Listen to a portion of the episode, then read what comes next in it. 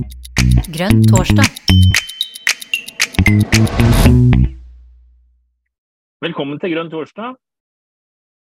I dag er jeg, Jon Lurås eh, og Marken Kjøl Røsand i redaksjonen. Og i dag så har vi fått besøk av Mona Nikolaisen. Men hvorfor er Mona her i dag, vet du det, Marken? Du kan vel sikkert forklare det? Ja, jeg eh, tenker at vi i dag kanskje skal snakke litt om barnehage. Eh, og så håper jeg at kanskje vi kan snakke litt om barndom, fordi jeg vet at Mona hun kan mye om den slags.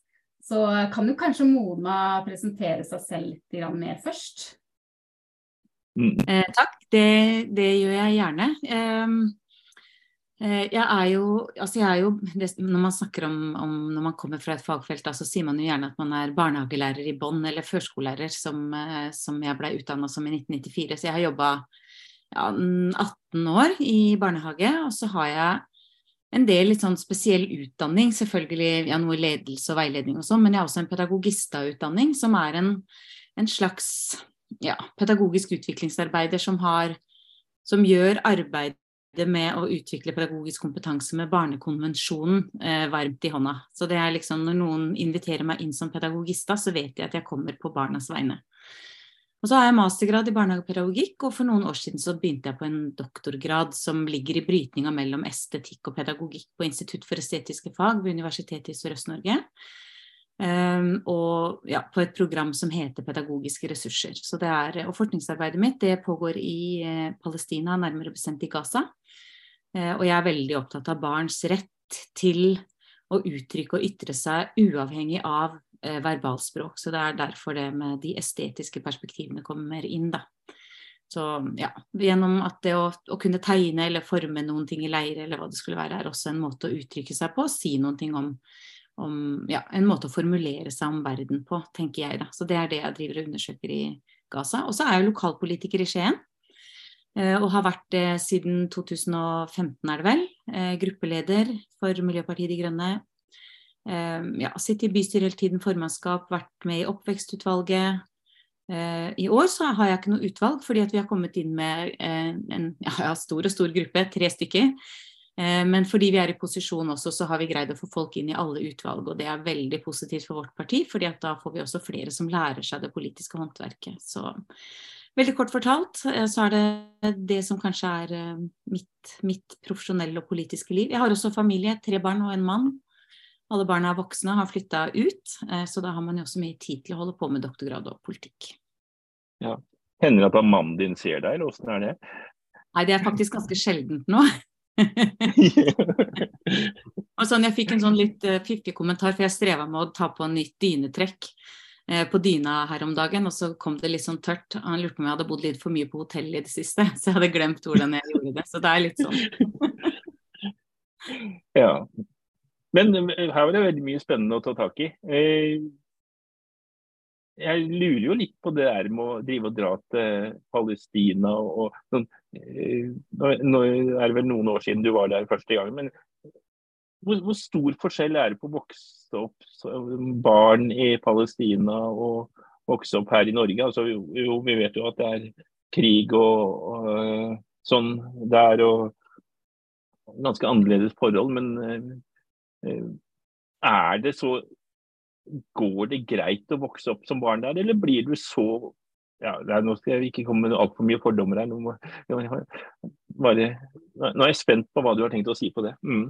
Ja, um, jeg tenker jo at uh, i Palestina generelt, men spesielt i Gaza fordi uh, de lever under blokade, uh, og ingen kommer ut eller inn ikke sant, uten at de har spesiell grunn til det, og at noen godkjenner at de kan reise ut eller inn, så Eh, så det er jo spesielt i seg selv. Eh, sånn at det å være barn i en befolkning som er sperra inne på et eh, område som er omtrent på størrelse med gamle Tønsberg kommune, hvor det bor to millioner mennesker, det er klart at det, det i seg selv er jo én ting. Og så er det jo det at de, de barna som, som, vokser opp, alle som har vokst opp i Gaza, har jo vært igjennom veldig mange kriger etter hvert.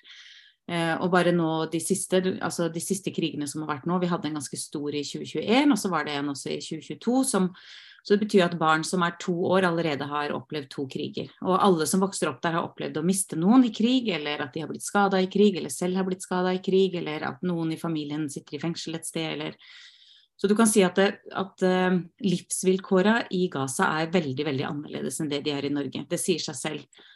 Og samtidig så er jo en av de tingene som jeg syns har vært så fantastisk med å reise dit, og få lov til å være der, og være i barnehager og være på universitetet, og, eller på det universitetet som jeg samarbeider med, og leve sammen med folk i Gaza, for jeg kan være der lengre perioder av gangen. Vi er ganske fri vi, sånn, ja, vi kan bevege oss ganske fritt, og vi får lange oppholdstillatelser når vi er der.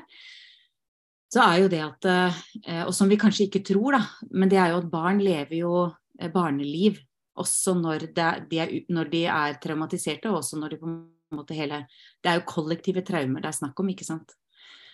Um, så, så, så, det er veldig uh, Så barn er også lykkelige, ikke sant? selv om de er traumatiserte. Barn er også lykkelige selv om de har mista noen i krig.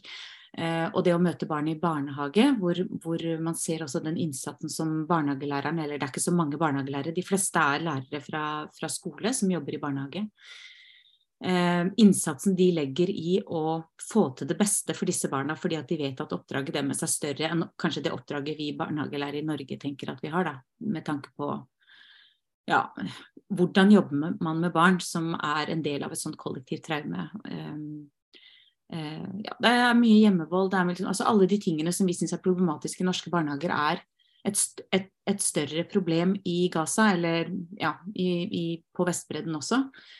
Eh, og de ansatte har flere barn per ansatt enn det vi har i Norge. De har dårligere lønn enn de vi har i Norge, og veldig mange av de spørsmålene som de ansatte er opptatt av, er de samme som vi er opptatt av. Det er for lite ressurser, det er for mange barn eller for få voksne. det er så liksom Profesjonsspørsmåla eller diskusjonene er akkurat de samme som de vi har her. Så det er på en måte det samme, men samtidig veldig annerledes, hvis jeg kan si det sånn. Og det viktigste kanskje sånn, det er jo at man ser man ser eh, at i all den misnøyen eller ja, som vi ofte liksom har her, her i Norge, da, eh, så, så, så, ser man jo at vi egentlig er veldig veldig privilegerte når man sammenligner med andre deler av verden. Så sånn sett så tenker jeg at, at vi absolutt har noe å lære også fra land som er fattigere, eller som, hvor barn vokser opp under andre kår. Mm.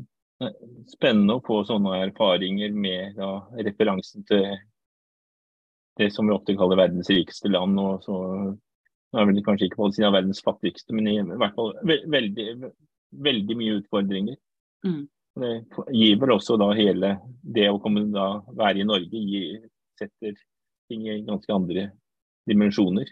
Så, ja, også ja. fordi at jeg tenker at um, noe av det som jeg kanskje har lært av å være i Gaza Jeg er ikke en veldig sosial person, f.eks. Jeg jeg liker godt å være aleine, og i Gaza så er jo det helt umulig, fordi at folk bor så tett. ikke sant? Og når det først kommer noen utenfra og inn, så, så ønsker jo Det er jo hva skal jeg si, happeningen. At noen kommer utenfra inn og man ikke kan reise ut selv. Sånn at det, det sosiale presset, hvis jeg kan kalle det for det i hermetegn, det er jo ganske stort. Eh, og, og det å oppleve liksom å bli ønska så varmt velkommen av omtrent hver eneste innbygger du møter på gata, eller du blir invitert på middag og du og de, eh, enten de er fattige eller rike der, for det er jo stor forskjell i Gaza også på de veldig fattige og de veldig rike, så vil de dele med seg. ikke sant? Og de, de serverer mat, og de vet liksom ikke hva godt de kan gjøre og hjelpe til med. Eh, og det er sånn du prøver, å ta, du prøver å betale for noe hos en gateselger, så vil de ikke ha penger av deg fordi de syns det er så stas at det kommer noen fra Norge og skal kjøpe noe. Og så vet jeg at de egentlig trenger mine penger, og at jeg har mer enn nok av de. ikke sant? Men mm. den gjestfriheten og varmen som jeg har møtt i Gaza, er, er helt enestående. Jeg, jeg, um, og der også tror jeg vi har ganske mye å lære, da. Um, det der med hvordan vi tar vare på hverandre som mennesker. Um, både når ting er vanskelig og i et, i et vanlig hverdagsliv. Liksom den nærheten og den ja, varmen og omtanken som jeg har møtt der, har vært helt, helt genuin. Du er jo da en, en norsk introvert uh, strikker, har jeg hørt rykter om? ja, og det har jeg, jeg har virkelig ja, det, ja.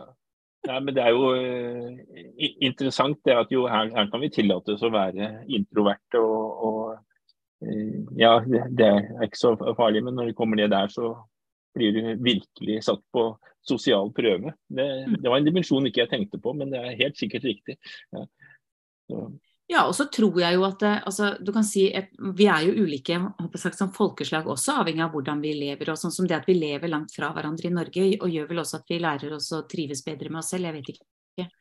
Og Hvis man må mm. tåle hverandre, hvis man bor mange mennesker i et hus eh, eller i en leilighet og må tåle hverandre mer, så er det klart at det, det er vanskelig å stikke seg bort. og da, ja, Jeg vet ikke. Mange sier jo at mm. uansett den arabiske eller muslimske kulturen er veldig annerledes enn vår kultur på det, fordi at det å ta vare på familien sin og være sammen har en veldig sterk verdi. Eh, og det er jo mm. også interessant eh, med tanke på, hvis, bare for å ta en sånn vi har jo en sånn stor diskusjon i norske barnehager med dette med tilknytning og tilknytningsvansker, at barnehageansatte trenger å jobbe med det fordi at uh, vi har barn som strever med det. Um, og jeg snakka med noen som hadde sett litt på det, som sier at uh, at barn i Palestina sliter mindre med tilknytningsvansker enn det barn i Norge gjør. Jeg, være, jeg, har ikke sett forskning som sier det, sånn sett, men det var noen som snakka om det som, som, har undersøkt litt rundt det. Og det syns jeg er veldig interessant, fordi eh, man skulle jo tro altså, at vi, vi, i Norge da, greier å ta vare på ungene våre sånn at de får gode relasjoner til foreldrene sine. Eller at foreldrene eh, greier å etablere gode relasjoner til ungene sine. Og så er det kanskje sånn at um, noen ganger at vi får det så bra at uh, Og også det individualistiske og det der med at hva vi selv også fortjener i det landskapet med å ha barn og alle disse tingene her, at det også blir satt veldig høyt. Mens hvis du lever under press, uh, hvor, uh, hvor du kanskje står i fare for å miste familiemedlemmer, så blir kanskje relasjonen til familiemedlemmene desto viktigere og desto tettere.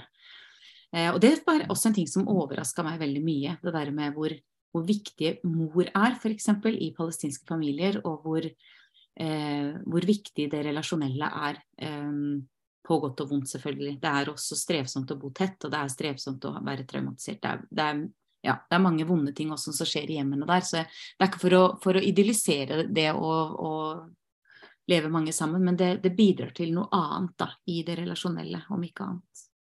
Jeg blir, jeg blir jo nysgjerrig på det, for jeg tenker jo du har, du har, vært og besøkt barnehager i Gaza, har du det? Mm -hmm. Ja. Eh, og så tenker jeg på det du er innom nå, egentlig. Eh, hvordan er det å være barn i Altså, har du sett noen på en måte eh, likheter og forskjell på barndommen, da? Og du har jo allerede nevnt noen trekk, men går det an å ha en god barndom ikke sant, i et krigsherja område? Eh, og, og, og hva om, hva eventuelt legger du i det? Mm. Ja, og jeg tenker at Det er et veldig stort spørsmål og et veldig mm. viktig spørsmål. fordi at Hvis man ikke trodde at det gikk an å ha en god barndom i et krigsherja område eller i et land under okkupasjon eller blokade eller ramma av sult, så hadde det på en måte ikke vært noe altså Hvorfor skulle vi da drive med barnehage f.eks. Hvis vi ikke trodde på at det var mulig å etablere eh, gode rom for barn, enten det liksom er i i gata eller i en institusjon eller hva det skulle være. Og, og det er jo um, uh, Og det som jeg ser, da, og som jeg syns er veldig spennende, når jeg starta prosjektet mitt, så var jeg veldig interessert i offentlige rom og barns skapende aktiviteter i offentlige rom. Det måtte jeg gå bort ifra ulike grunner. Uh, Bl.a. fordi at det er ikke så kult å gå og filme og, og ta bilder liksom eh, i Gaza, hvis du ønsker Og det er ikke fordi at regimet der er noe veldig opptatt av at man ikke skal fotografere eller sånn, men men, eh, men det var det, ja, jeg, måtte, jeg, skrudde prosjektet til for å også gjøre det eh, bedre med tanke på personvernhensyn og sånne ting. Sånn at det, det å, å, observere barn i barnehage og hvordan de, hvordan de er når de er sammen, både i, i, i ja, De kaller det for klasserom, det gjør vi jo ikke vi i Norge, men på avdelingene sine. men Eh, og når de er ute i, i, leken, det er veldig veldig interessant. fordi at de har ganske sånn skoleaktig pedagogikk der.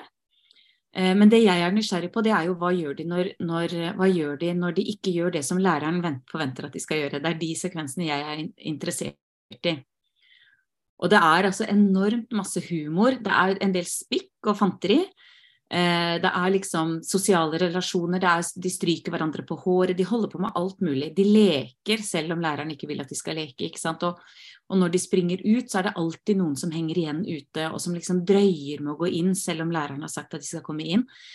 Um, sånn det, så alle de der tingene som, som, jeg liksom tenker på som den gode barndommen, da, de tingene som er uh, utenfor de formelle læringssituasjonene, de eksisterer jo virkelig, virkelig, altså selv om eh, regien rundt barndom og institusjon er veldig streng der.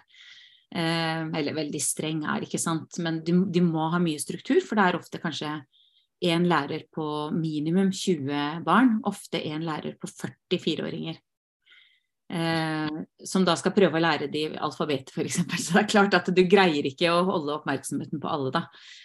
Um, og jeg tenker også sånn liksom i, i det der med, med, life skills, eller hva man skal kalle det. Vi hadde jo aldri sluppet seks- og sjuåringene våre ut i de mest trafikkerte gatene.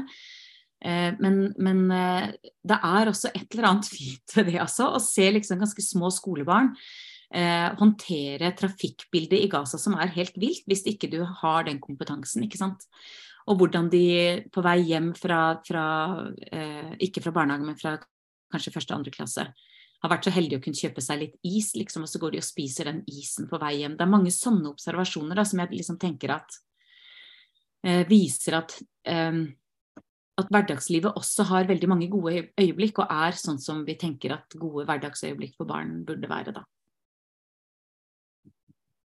Ja.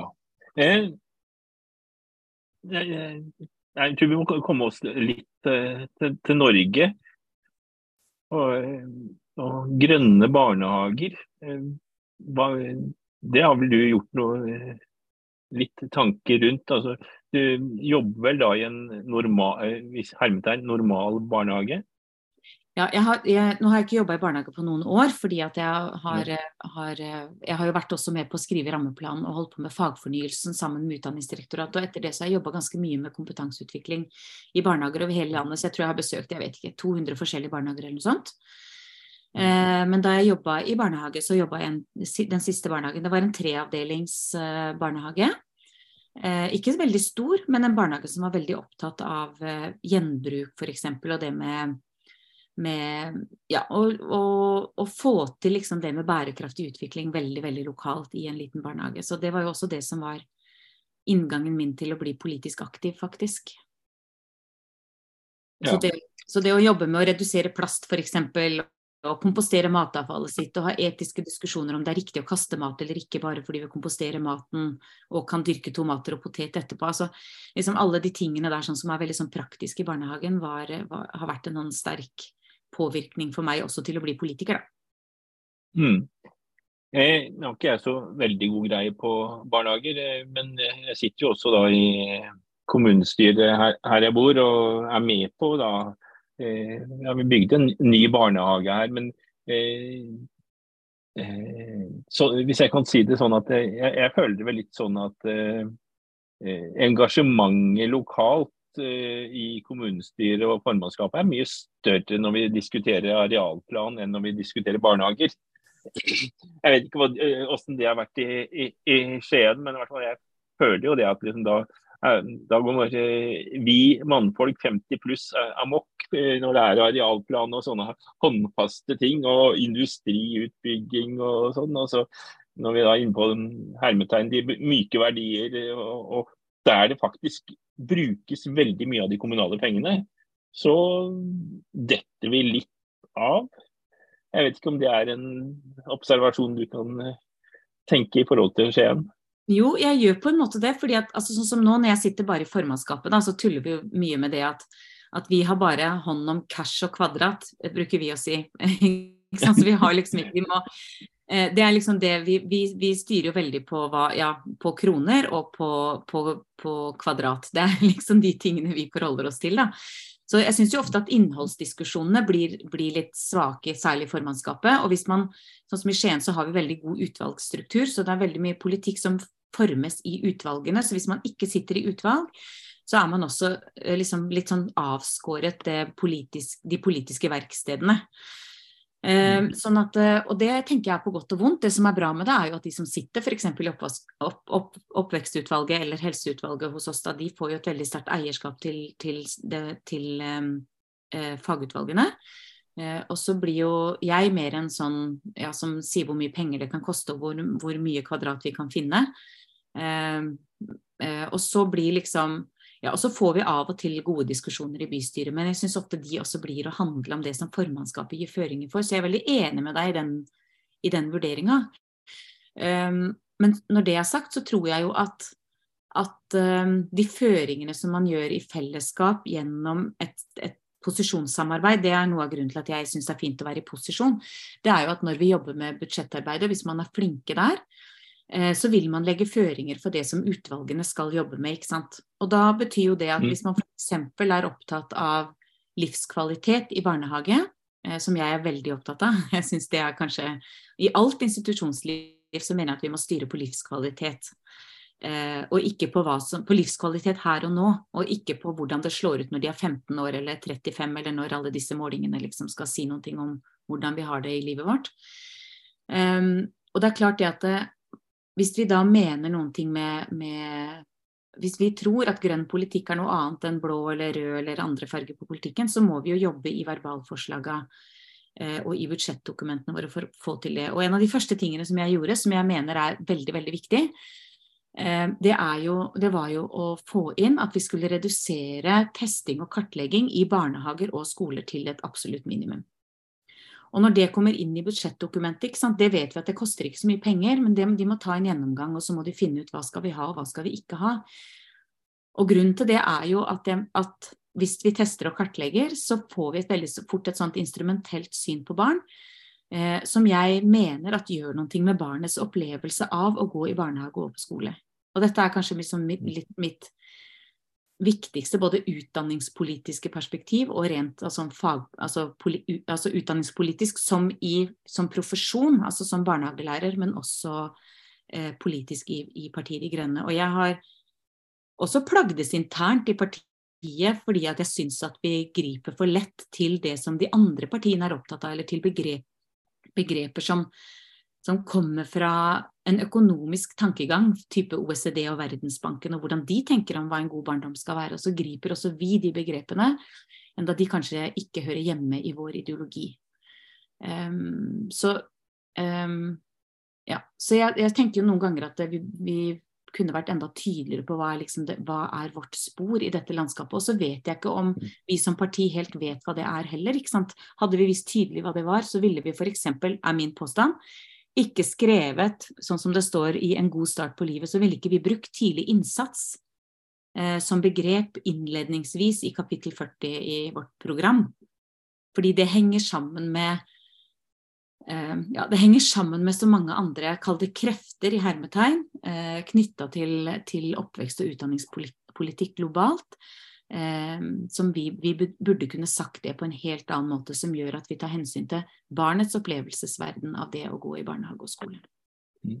Nei, noen programarbeid er jo modning over tid, så eh, da får vi jo tro at det, ved neste korsvei så blir disse tinga eh, enda mer helhetlig. Eh, men jeg, jeg, hører det du sier om det at utvalget er politiske verksteder og, og sånn knytta til barnehager og, og, skoler. Så jeg mener jo liksom at det stadig vekk dukker opp påstander om at vi som politikere må mene mindre politisk om innhold både i skole og barnehager. Eh, jeg syns jo det er litt rart at vi skal eh, melde oss helt ut, men det er liksom overlatt skolen til lærerne. De vet best. Det er jo en sånn derre gjenganger, og det er vel også sånn knytta opp mot barnehager. Eh, er det noe hva, hva, tenker du? Da opplever du det som Det virka ikke helt som om det var den virkeligheten du skisserte, da. I storbyen Skien. Ja. ja. Hvor mange er vi? 57 000-58 000 mennesker. Um, mm. eh, jo, jeg mener jo at vi skal bruke ressursene i, ytter, i ytterste ledd. Altså i de, i, i de som er nærmest barn og unge. Fordi at, eh, og, og, hvis jeg kan få lov til å eh, Jeg vet at det her kanskje blir litt sånn teknisk, da, men, eller teknisk, eller hva jeg skal si. men men hvis, hvis, vi tar utgangspunkt i, i, det med tidlig innsats, da, så Det som skjer ofte med politikerne når, når, man liksom snakker om tidlig innsats, det er jo at man begynner å bli opptatt av tiltak fordi at man ønsker å innfri det som, som, som ligger i begrepet tidlig innsats. Det er jo ingen som er uenig i at det er viktig å starte tidlig med gode tiltak. Men, men det, som, det, som, skjedde, var jo det at politikerne begynte å ta veldig grep. Det, jeg vet ikke når det starta, eh, kanskje 2004-2006, rundt der en gang. Eh, hvor man liksom da ville sørge for at barndommen og oppveksten blei så god som mulig, og at det skulle Eh, for hvis vi, hvis vi, bare begynte tidlig nok med de riktige tiltakene, så ville alt løse seg i framtida. Sånn, og sånn tenker man jo fortsatt. Og som en konsekvens av det så kom f.eks. testing og kartlegging, fordi man tenkte at hvis man testa og kartla alle barn, så ville man forstå noen ting som gjorde at man kunne spisse tiltakene enda mer. Og i kjølvannet av det så kom jo også spørsmålet om hvem skal teste eh, og kartlegge. Jo, det er jo lærerne. Og når jeg snakker om lærere, så mener jeg lærere i barnehage og i skole. Og til og med i barnehage så hadde man jo i Oslo kommune en periode hvor man skulle gjøre en sånn TRAS-test, en språktesting av alle treåringer i hele Oslo kommune. Det skulle barnehagelærerne bruke tid på. Og når de bruker tid på det, så for det første så tar de bort tid fra barna når de gjør den testen, og, og de bort, det går bort tid fra barna når de må gjøre eh, rapporteringa eller oppsummering og sende inn. Og så tar det bort tid når de må møte eventuelt ja, eh, med, med med, i sånne møter hvor de skal diskutere de skal, hvilke tiltak de skal ha. Eh, sånn at Testing og kartlegging fører veldig ofte også til mer spesialpedagogisk hjelp, som igjen fører til flere møter. Og, og, mer smalere normalitet, som jo vårt parti ikke er tilhenger av. Vi er opptatt av brei normalitet, at det er helt ok at vi er mangfoldige. Det er, um, at vi ikke er like, er jo en, et faktum. ikke sant? Og for hver ting vi liksom legger inn sånn, som vi ovenfra styrer at de skal gjøre, så tar vi bort lærernes tid til å lage god pedagogikk for, for barn og unge.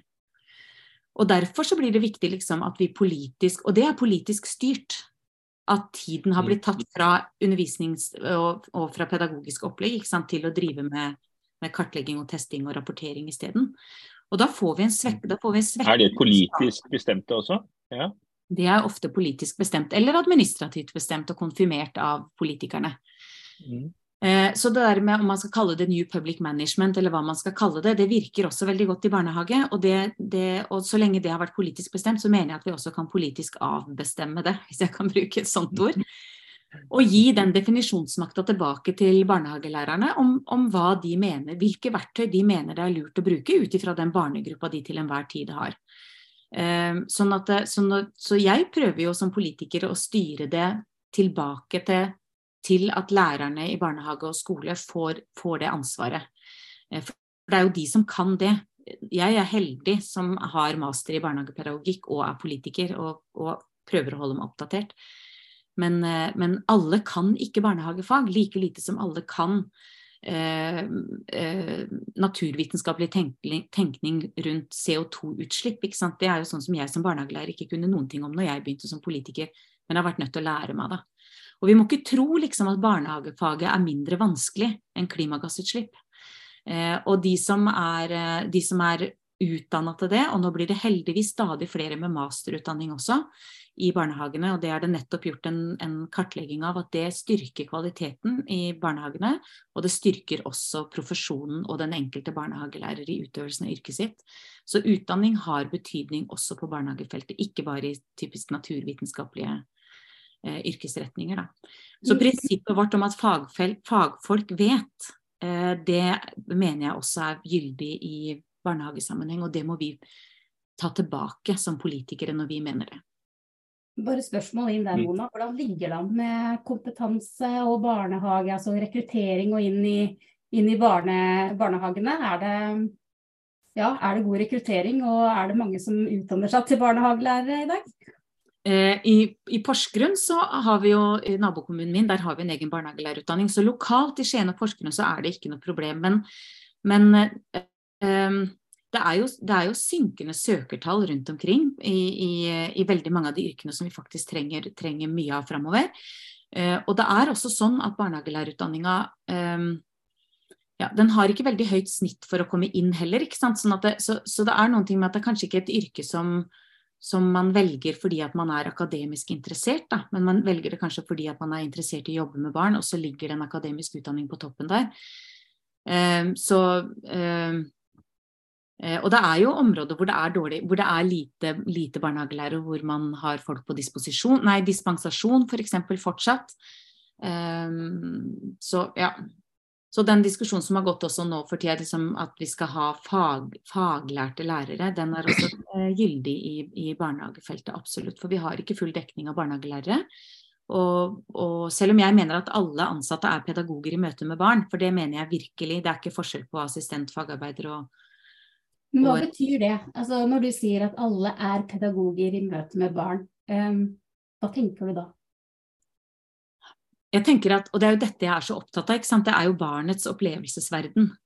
Altså Når barnet går i barnehagen og kommer dit som subjekt i kraft av seg selv og som, den livsveven som det barnet har med seg, og møter andre barn med sine livsvever, og så veves disse vevene sammen i et slags barnefellesskap, forhåpentligvis, som inkluderer alle, så er det jo sånn at alle vi som jobber i barnehage, eller vi sier jeg nå da, jeg føler fortsatt at jeg har sterkt eierskap til det, men alle som jobber i barnehage har jo signert på en kontrakt på samfunnet sine vegne. Og det er at de skal prøve å få til det som står i rammeplanen hver dag når de går på jobb.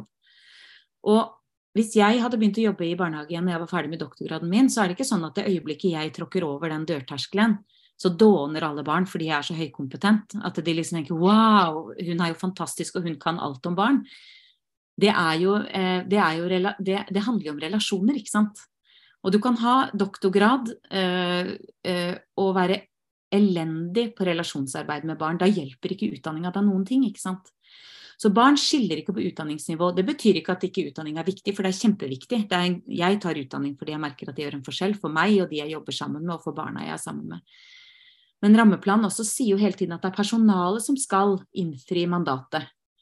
Um, og det tror, jeg også vi, det tror jeg også vi kunne liksom med fordel ha, ha underbygd mye, mye mer. For det betyr at vi må reflektere over hvordan vi er som mennesker og som pedagoger når vi er sammen med barn, helt uavhengig av yrke.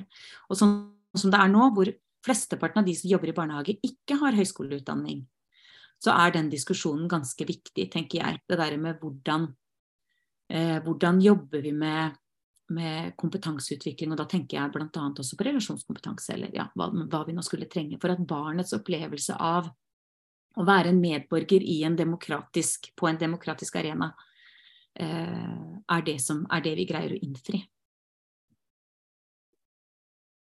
Jeg har lyst til å hoppe over til noe som for så vidt eh, Ja, det handler jo om innholdet i barnehagen, det også. Eh, og noe du har vært innom opptil flere ganger tidligere, Mona, og det er det med lek. Og det lekende mennesket. Hva er lek, og hvorfor er det så viktig? Ja, og Det spørsmålet kan du få tusen svar på, tror jeg, avhengig av hvilken barnehagelærer eller, eller professor i, i, lek som du spør.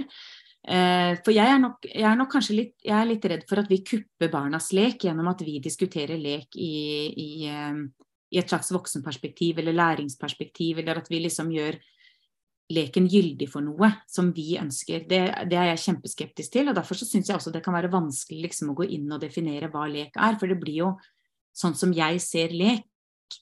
Eh, mens, mens, eh, mens, den leken som jeg kanskje er opptatt av å hegne om, det er jo den som veldig mange nå kaller for barnas egen lek. Dvs. Si ikke lek fordi vi mener at de skal lære noe, eller ikke lek fordi vi tenker at det, da kan de forstå samfunnet, eller men, men, det som er drivkrafta i det som de selv holder på med i hverdagslivet sitt. og noen, kan, eh, noen, ganger så går det i brytning over til utforskning av ting, noen ganger så er det lystbetont artighet, ikke sant, eller spikk og fanteri. Det kan være masse ting, da.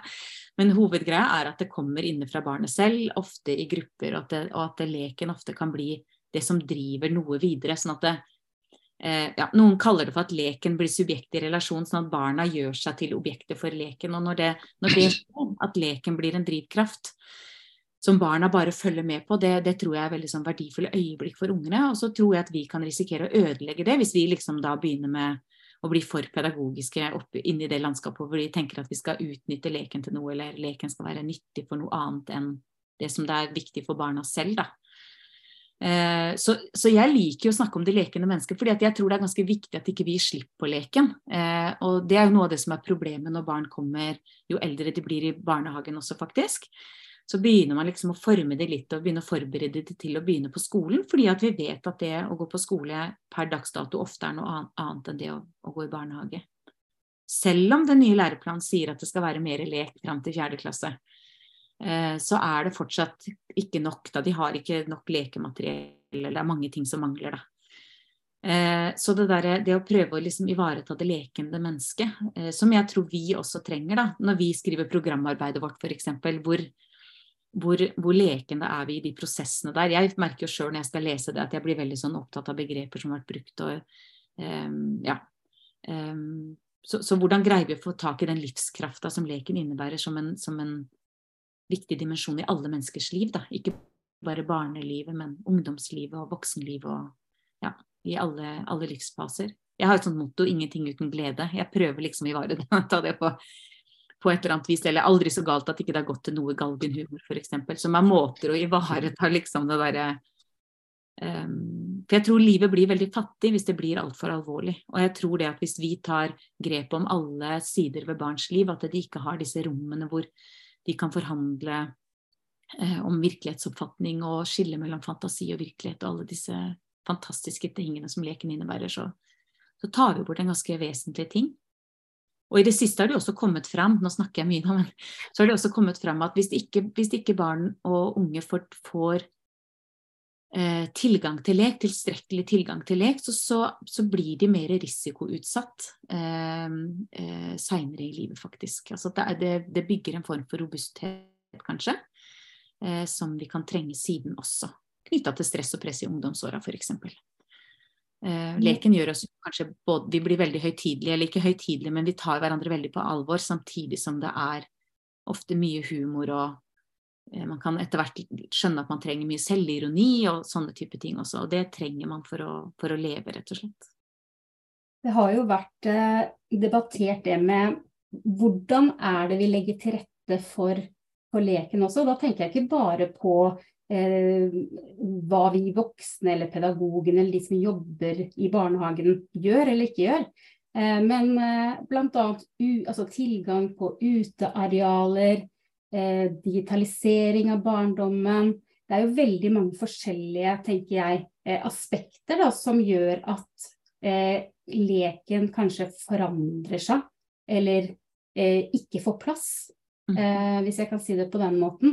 Um, ja, så, så, kan du si noe om de andre ytre faktorene også, som ikke bare handler om på en måte eh, innholdet i barnehagen. Mm. Ja, for det første så tenker jeg jo også at vi kanskje romantiserer vår egen barndom når vi ser på barn som vokser opp i dag. sånn at Hvis vi liksom lekte fritt i fjæra, sånn som jeg gjorde f.eks., eh, eh, og ingen var redd for at vi skulle drukne, for det var et poeng å gå til fjæra, for da lærte vi å håndtere fjæra. Det er litt sånn Ronja Røverdatter-mentalitet. Så tenker vi å alle barn burde ha en fjære, en fjære med litt bølger, sånn at de kan lære seg å bli våte på beina og gå hjem og tørke seg. Liksom, vi romantiserer vår egen barndom, og så legger vi den over den oppveksten som barn har i dag.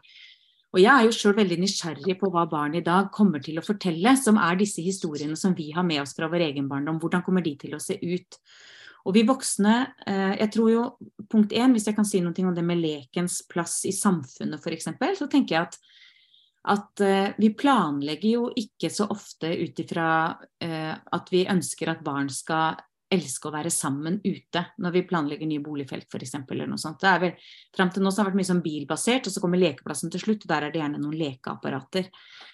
Eh, lekeapparater er ikke svaret på en lykkelig barndom. ikke sant? Det kan det godt hende at det er en, et skogsholt, eller at det er en, en uvøren bakke eller noe sånt noe, som, som, som skaper isteden. Eh, og at det skaper andre muligheter for samspill og samvær eh, og, og, fellesskap da, enn kanskje en sklie gjør, f.eks. Eh, sånn at det, så det der hvordan flere byer nå f.eks. går inn og diskuterer planlegging med utgangspunkt i det som de kaller for barnas topologi, altså hvordan beveger barn seg i ulike områder, og hva kan vi lære av det, sånn at vi kan lage gode møteplasser, tenke på det først, og så, og så infrastruktur for gående og syklende, og så eh, at man får gode kvaliteter ved uteromma, som er der hvor barn oppholder seg. Det liksom, det, eh, så det syns jeg er en veldig sånn positiv utvikling, at man faktisk tar utgangspunkt i også de yngste borgerne når man jobber med, med byplanlegging eller, eller nærmiljøplanlegging.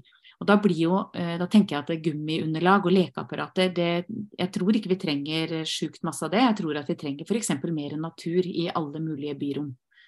Um, at, og det er jo en ting som vi kan være med på å påvirke, ikke sant? akkurat de tingene der. Og, og, når det kommer til det med digitalisering, som var det andre eksempelet du nevnte, eh, så tror jeg jo igjen at vi liksom at vi romantiserer en barndom eller vi tenker at hvis de bare ikke har digitale verktøy i barnehagen eller fram til fjerde klasse, eller noe sånt, så blir det, da blir det så mye bedre. Men det handler jo igjen om hva slags syn vi som voksne har på barn, og, og hva slags syn vi har på f.eks. digitale verktøy. Så det er jo ikke sånn at man automatisk må bruke digitale verktøy til å, til, som en passiv under, underholdningsmaskin, eller som noe vi skal lære oss å skrive og regne på. Den kan jo også være et verktøy for utforsking, eller for musikkproduksjon som er ganske eksperimentell. Eller som et tillegg til mange andre ting som vi også bruker. ikke sant? Så Eh, så jeg er jo f.eks. uenig i det punktet i vårt program om at, vi ikke, at, vi liksom, at, at eh, barnehagen skal være en skjermfri eh, skjermfri sone. Bl.a. fordi at skjermer blir brukt veldig ensidig eh, hjemme ofte. Da er det fritid at de får se på, en, se på YouTube eller spille et spill på mamma eller pappa sin telefon. Um, og da er det den, den digitale kulturen de får med seg, underholdningsdimensjonen i det, istedenfor at det faktisk blir brukt som et verktøy å tenke sammen med og utforske med. Digitale mikroskop på skogstur og en iPad hvor du kan ta vare på ting som du ser veldig nære i skogen, og ta det med inn i barnehagen og liksom fortsette nærstudiene der. Ehm, det mener jeg er, en, det, det er et kjempeviktig verktøy i barnehagene i dag, og som viser at digitale verktøy er noe annet enn spill og underholdning. Mm, spennende. Eh, jeg, der jeg bor, så er det nå planes det nå et nytt eh, boligområde. Og så hører jeg jo det at du sier at jo, det skal ikke være så viktig med den der lekeplassen. Altså det er områdene som barna skal være i som er viktigere. Men hvordan skal vi sikre at da at barnas interesser eh, kommer fram her? Altså, er det Står du på en veldig smal del av uh, det som er trendene nå, eller uh, er dette noe som hvis jeg som vanlig kommunestyrerepresentant løfter der her, så vil administrasjonen umiddelbart skjønne hva jeg snakker om? Er dette mainstream? Altså, Eh, nei, vet jeg vet ikke om det er mainstream, men jeg vet at det er gjort gode prosjekter i, i Drammen. Eh, og jeg vet at det er gjort gode prosjekter i Trondheim. Og så vet jeg også at kommunene seg imellom blir inspirert av hverandre.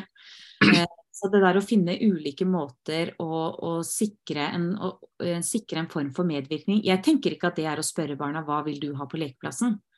Fordi at det vet mm. ikke, altså det, det, er, Hvis barn da sier ah, vi vil ha basseng, ikke sant? vi kan ikke bygge basseng på lekeplassen. Det så, så det, det, handler ikke liksom om å spørre barn hva de vil ha. Men jeg tror at liksom, det der ved å gjøre gode observasjoner, f.eks., det å være sammen med barn når de er ute, at også liksom Eller snakke med fagfolk, eller snakke med folk i nabolaget. Hvor er det eh, Altså hva er det barn holder på med når de er ute i dette nabolaget. Altså at vi på en måte prøver å skaffe oss tilgang til annen type informasjon enn det vi kanskje tror at vi trenger. Det tror jeg liksom er en, Og så finnes det ulike måter å gjøre det på. Eh, Mariken, du husker kanskje bedre enn meg, men det prosjektet i Drammen var vel et samarbeid mellom, eh, mellom USN og noen barnehager og kommunen. Ja, det tror jeg nok. Småspor, uh, husker jeg det het. Ja. Mm. Eh, og det er klart at det å liksom gjøre altså det å gå sammen om, det er jo kjempeviktig. For da får du ulike perspektiver, og til sammen klarer man kanskje å tenke noe klokt. Um, uh, men, uh, men, og til det med om det er lekeplasser eller vi, altså, Miljøpartiet kan ikke mene at f.eks. gummiunderlag på en lekeplass er riktig. Det, det, kan vi ikke mene. vi må vite at natur, naturen selv er et uh, Vi må mene det at naturen selv er et godt underlag.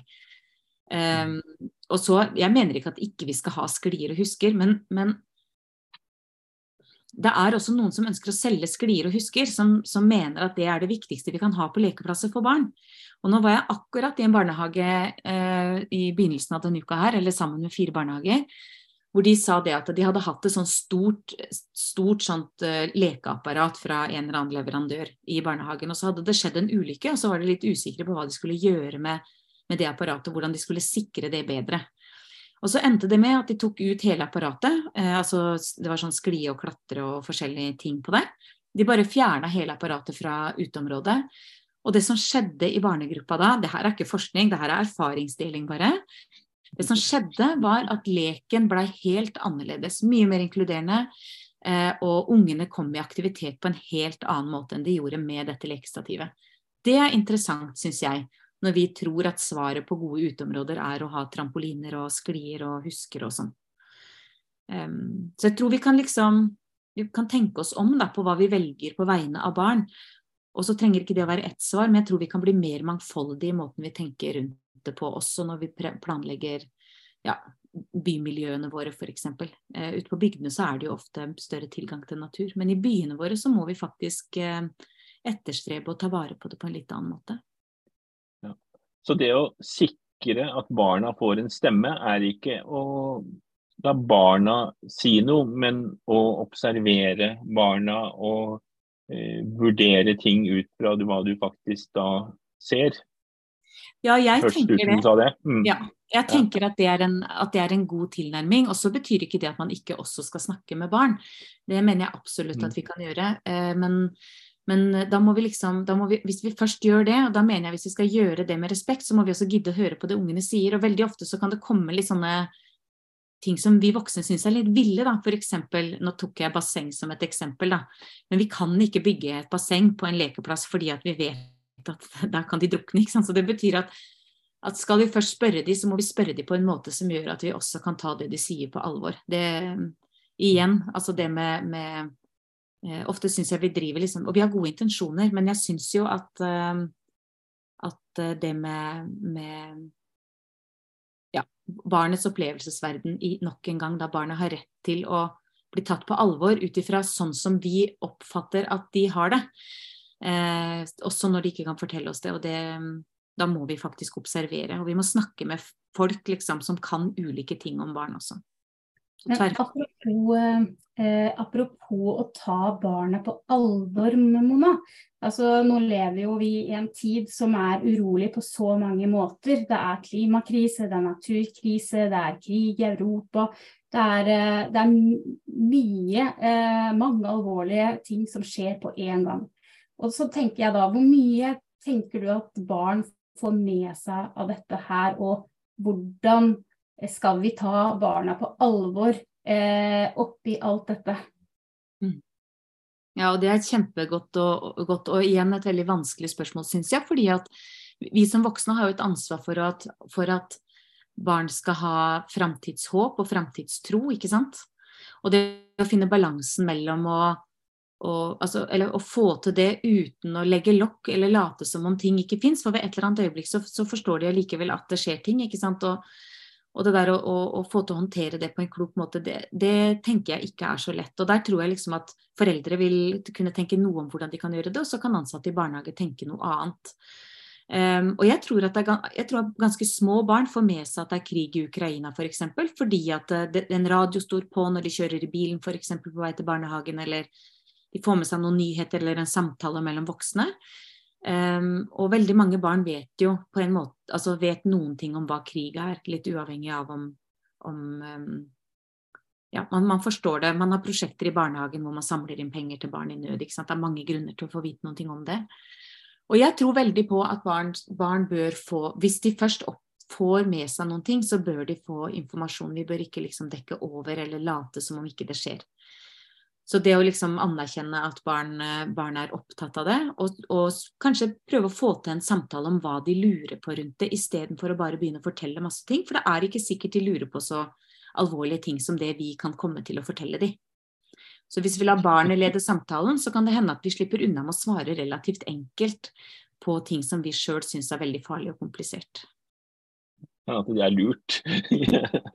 jeg tror det er veldig lurt, fordi vi har så mye informasjon. Og det å prøve å sortere hva, hva er det klokest av meg å fortelle videre nå. altså Hvis du kan klare liksom å, å få barnet på glid, da, eh, og det, da må du jo ha verbalspråk selvfølgelig, altså, eller være store nok til det, men det å få barnet på glid til liksom å bare liksom si 'jeg skjønner at du har fått med deg noen ting', eller er det noe spesielt du tenker på når du, når du sier at du er redd for at det skal bli krig? Og da kan det f.eks. være at at ja, de er redd for å miste mammaen eller pappaen sin, eller eh, de forstår ikke hvordan andre kan leve under krig. Og hvis man, altså, skjønner dere, altså, For det man får tilbake, gir grunnlaget for det man bør snakke om videre, istedenfor at vi fyller på med Putin og at bombene rekker ikke hit, og det er ikke fare for atomkrig. altså Dere vet jo hvordan vi kan bli hvis vi liksom skal ta barnets redsel på alvor. Så overfører vi jo kjapt alle våre egne redsler.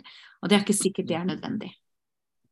Nei, For utgangspunktet så skal vi vel eh, prøve å skape trygge barn og trygge voksne. Um, og det er jo ikke enkelt. Eh, men hvordan legger vi til rette for det i barnehagen og ja. Jeg tror, jo, jeg tror, jo, for det første, hvis du tar barn på alvor, så tror jeg jo at, eh, at det, det, vil kunne skje også fordi at barn som føler at de blir sett, og som blir sett for den de er, og for det bidraget de har med liksom i hverdagslivet, at de tankene de har, teller. Eh, um, uten at det betyr at de skal bestemme alle mulige ting hele tiden. ikke sant? Og at, at, de ser at vi legger merke til hva de er interessert i, at vi ser at vi legger merke til hva de liker å holde på med ute, alle disse tingene her. Det tror jeg er ganske sånn, sånn viktig for at barn skal Eh, få en god selvfølelse, f.eks. Og hvis du en god, får en god selvfølelse, så er det også enklere å kjenne seg trygg i ulike typer situasjoner. Så det der å liksom bli trygg i seg selv, eh, eh, og liksom få trua på seg sjøl og tenke at man, er et, at man, har et godt liv, det er et veldig sånn godt utgangspunkt, eh, mener jeg, da, eh, for at man også skal håndtere ting som kommer litt sånn eh, Kommer på utenfra, da, små og store ting. Så det der liksom ja, at vi gjennom sterke, både sterke barnefellesskap, men også sterke liksom, barnehagefellesskap med voksne og barn, sørger for at vi, vi, liker hverandre, og at vi blir glad i hverandre, at vi tar vare på, på hverandre. At vi liksom styrker selvfølelsen hos hverandre gjennom gode relasjoner. Det tror jeg er sånn, et sånt vesentlig fundament. Og så tenker jeg, når jeg har vært i Gaza f.eks., så tenker jeg at når vi diskuterer det her med trygghet i norske barnehager f.eks., så blir jo det også et sånt paradoks, fordi at vi lever egentlig i et av verdens aller, aller tryggeste land for barn å vokse opp i. Hvis du ser bort ifra liksom seksuelle overgrep og hjemmevold og alle disse tingene som barn utsettes for over hele verden, uavhengig av hvor de bor. Eh, så kan man jo diskutere hvor utrygge er barn egentlig i Norge, og det syns jeg er en like viktig debatt. fordi at um, vi har på en måte kommet inn i en sirkel hvor vi også gjennom å snakke for, dette er kun min påstand som fagperson, og som med det vitenskaps- og filosofiske og faglige ståstedet jeg har. Og jeg mener at de roter oss bort liksom litt med det trygghetsbegrepet. Det, um, overbeskytter? Ja, kanskje overbeskytter, eller at vi blir for urolige, eller, eller eh, altså trygghet, trygghet, er grunnleggende viktig, det er det ingen tvil om. Men jeg syns vi bruker veldig mye tid på å diskutere trygghet Eh, i et, i et, land og i settinger som er så trygge som det vi har i Norge. Vi burde kanskje bruke vel så mye tid på å, å diskutere ja, hvordan kan vi utvikle barnehagene eh, sånn at de relasjonelle møteplassene blir sterkere, f.eks. At, at vi lager gode, intelligente miljøer hvor de kan liksom gjennom å finne noe fint å holde på med, så skaper de relasjon til hverandre, og gjennom det også trivsel og trygghet for å være i barnehagen. Istedenfor at vi hele tiden går på et sånn psykologisk spor for trygghet. For det, det um, Vi har ganske lite fare i Norge sammenlignet med mange andre land, da. Ja. Jeg vet det høres da... brutalt ut. Men han passer jo da på å ha gummi under lekeapparatene så ikke ungene skal bli skada. Det er jo det er vel lovpålagt også. Så. Ja. Og Det er jo et paradoks, fordi altså, hvis ikke vi har giftfritt fallunderlag, da, så skader vi det jo på en annen måte, bare mer indirekte. De brekker ikke et bein, men, men, mm. eh, men vi presenterer de for, for, eh, underlag fylt av gift isteden. Så, så, så mm. det er liksom Ja, jeg vet ikke. Eh, eh, og det der at vi sager av alle greinene på trærne f.eks. For, eksempel, for at barn ikke skal klatre i trær. Eh, vi, eh, vi, gjør veldig mange sånne ting da, som også gjør at at barns følelse av å mestre ting blir tatt fra dem på en måte. Og det er jo ganske interessant. Det jo, var jo en, en, Rasmus et eller annet som, som gjorde forskning på ettåringer og risikolek. Hvor han finner at de aller yngste barna i barnehagen de oppsøker risiko. Eh, sånn at, eh, og han mener jo at det er fordi at de trenger det. Altså at det er et slags Altså de mm. ønsker det selv, ikke sant, å oppsøke den risikoen. Og så passer vi hele tiden på at ikke det skal oppstå. Istedenfor å tenke at, at, det er viktig å oppsøke risiko. at da, eh, da, lærer man noe om seg selv, man lærer noe om andre, man lærer noe om hvordan man skal være sammen med omgivelsene sine. Tilbake til Ronja Røverdatter. Ja. Men når, hvis jeg husker riktig, så hadde du tre barn. Du var sånn, når de gikk ut av døra, så hadde de på seg sykkelhjelm, ikke sant? Hele tida. Døgnet rundt. Nei, de hadde Nei, det. Var, det var litt.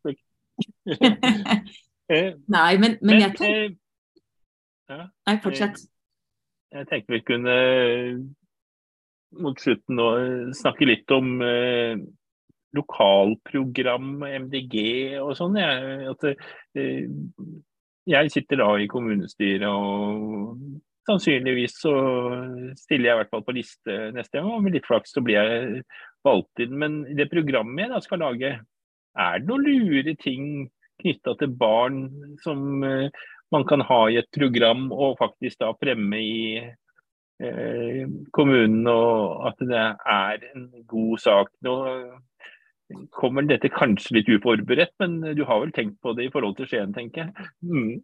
Ja, og jeg tenker, jeg tenker, jo altså, eh, Det som jeg nevnte innledningsvis litt tidligere, da, det der med å redusere eh, testing og kartlegging i barnehage og skole, det tror jeg kanskje er et av de mm. viktigste grepene vi gjør. Fordi det frier tid til lærerne til å få lov til å være mer pedagoger enn en, en eh, administrative ting, liksom. Så jeg tror, så tenker at det er liksom Og da får man mye annet positivt på kjøpet, ikke sant. Altså man får mer lærertid med elevene, eller ja. Mm. Eh, og mindre stress kanskje også hos lærerne. Jeg, og da snakker jeg både barnehage og skole, altså, fordi det fins i både barnehagehverdagen og i, i, skolehverdagen. Så det vil jeg jo liksom Jeg vil jo virkelig jobbe for det, og redusere det til et absolutt minimum. Og at det er fagfolka som skal bestemme hvilke tester og kartleggingsverktøy de eventuelt skal bruke. For det er det de som kan. Og så har vi også gjort en annen fin ting i Skien, syns jeg. Eller to fine ting. Vi har f.eks. vedtatt at Og det skulle ikke være nødvendig, men vi har gjort det likevel. Vi har vedtatt at eh, lek og praktisk-estetiske fag eh, skal få en større plass i, eh, i Særlig i skoleløpet, da. Og hvis det får det der, så, så, smitter det for så vidt også over på barnehage. Så det, at, det å si noe når man jobber med plandokumentene for oppvekstsektoren, Eh, det har også betydning for hva som skal vektlegges når administrasjonen f.eks. henter inn hva trenger vi mer kompetanse på nå, hvordan skal vi bruke pengene våre utover de bundne midlene, selv om det meste er bundet i både barnehage, eller oppvekst og helsesektor. Da. Så er det alltid midler, ikke sant. Så istedenfor å ja, tenke at vi må ha et matteløft i, for, eh, fem, for, barnehagelærerne som jobber med femåringer i barnehagen. Nå er det ikke så mye av det heldigvis, men som et sånn tullete eksempel, så kan man jo si at man heller vil ha inn en lekspesialist i, i uh, første til fjerde trinn. Så sånn, sånn, at Når vi legger føringer i plandokumentene, og det har vi gjort, lek og praktisk, estetisk og sosiale fag, det har vi lagt inn som en føring. Eh, politiske skjeen. Og så tenker jeg Det å initiere forsøk med leksefri skole, det er fortsatt veldig mange som, som tror at lekser virker. Eh, og det må man liksom bevise lokalt for å få, for få forandra på. Og, og det, er, det, finnes ingen lekseforskning for eksempel, som sier at lekser virker for alle til enhver tid, og at det er det som løfter liksom, eh, kunnskapsnivået i norsk skole. Og Allikevel så fortsetter vi med lekser, på samme måte som at det fins ikke forskning som sier at det å sitte sitte stille på en stol er det som skal til for å lære. Det finnes det heller ingen forskning på, men allikevel så fortsetter vi å gjøre det i, i, veldig mange av klasserommene rundt om. Og mange begynner også med det allerede i barnehagealder, fordi de må øve seg til de skal begynne på skolen. Så, så det med å initiere forsøk med leksefri skole tenker jeg er en kjempegod idé. Eh, det å, å, å, si at vi vil ha mer naturområder og ikke fullt så mye lekeapparater, det, det, kan vi også styre. Det er til og med mer vedlikeholdsfritt, og vi trenger ikke så mye sånn sikkerhetsgjennomganger og verifisering om, om, det er godt nok ivaretatt og alle disse tingene her. ikke sant, at vi må, ja. Så det er ufarlig å dette ned på skogbunn, det er greit. Mens hvis du er på en lekeplass, så må du være beskytta. Ja, i, i, praksis så er det faktisk litt sånn det er. For hvis du detter ned i, når du er på tur i skogen, så er, så, så er det litt annerledes enn, om du detter ned når du er innenfor barnehageområdet og har lekeapparater som du, som du detter ned fra. Så, så det er eh, det er fiffig det der, altså, med disse regelverkene. At de alltid er så logiske.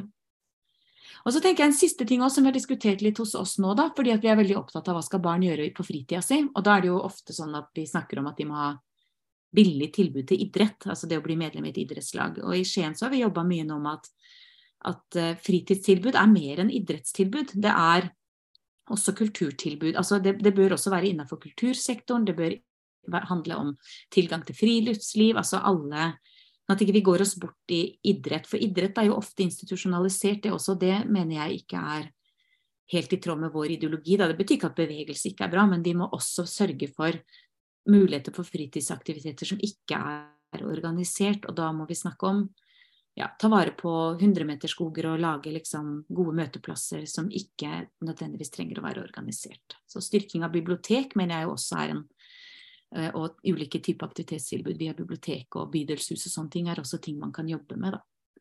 Som, eh, ja, og sikre giftfrie miljøer har jeg skrevet med store bokstaver på Det er veldig konkret.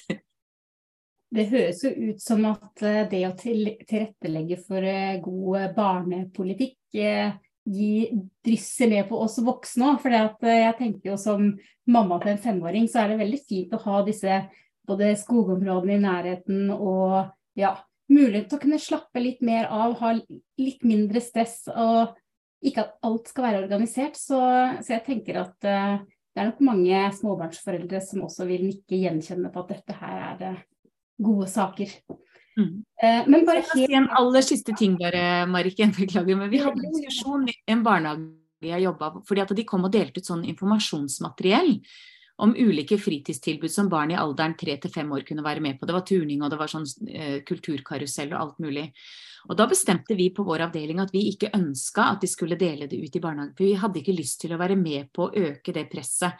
Vi hadde liksom unger på fem år som hadde tre forskjellige fritidstilbud, så de rakk knapt å sette seg ned til å spise vi vil ikke ha det sånn for ungene våre. ikke sant? Sånn at vi må, få, få, vi må liksom få senka tempo hos oss, og vi må få, sånn at vi også får senka tempo hos, hos, ungene våre. Og en, en, lykkelig barndom er ikke mest mulig aktiviteter på kortest mulig tid. Det er å få tid til å få lov til å være barn sammen med andre barn og sammen med familiene sine. På, I barnehagen, på skolen, i hjemmet sitt og i nærmiljøet sitt. ikke sant? Det er jo det på en måte um, Og dette, den litt sakte barndommen, da. At vi på en eller annen måte prøver å hegne om den så godt vi kan. og da det å si fra en barnehageside f.eks. at vi tar ikke imot all den, alle de tilbudene, vi vil ikke dele det ut, for vi mener at barndommen er noe annet. Eh, det, eh, det, mener jeg at man også kan gjøre på kommunalt nivå, og si at vi ikke ønsker å dele ut sånne type ting i våre barnehager. At det er en verdi vi har, da. Jeg har ikke testa det ut ennå, så det tror jeg nesten jeg må be Lisa om å gjøre. Høre om det er eh, noen mulighet for å få til det i barnehagen i Skien. mm. Jeg vet ikke, Har du noe eh, siste spørsmål, Mariken, før vi runder av en spennende time om barn? Jeg tror jeg er litt bedre forberedt til neste møte i kommunestyret. Jeg håper det. Litt mer innsikt og litt mer eh, store tanker, hvis jeg kan bruke det begrepet. Jeg, jeg syns Mona avslutta denne timen veldig bra. Vi må ta vare på den langsomme barndommen. Det har jeg lyst til òg. Veldig bra. Da sier vi takk til Mona Nikolaisen, barneeksperten vår. det er å overdrive, for det er jo veldig subjektivt, alle disse tingene. Men jeg brenner veldig for det, og jeg tenker at det er viktig at vi som parti også løfter de diskusjonene og tar de like på alvor som vi gjør med alle de andre store debattene som vi har internt i partiet. Og takk for at jeg vil komme. Veldig stas.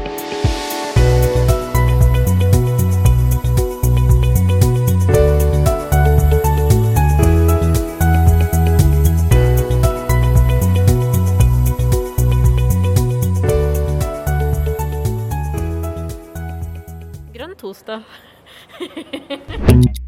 Grønn torsdag.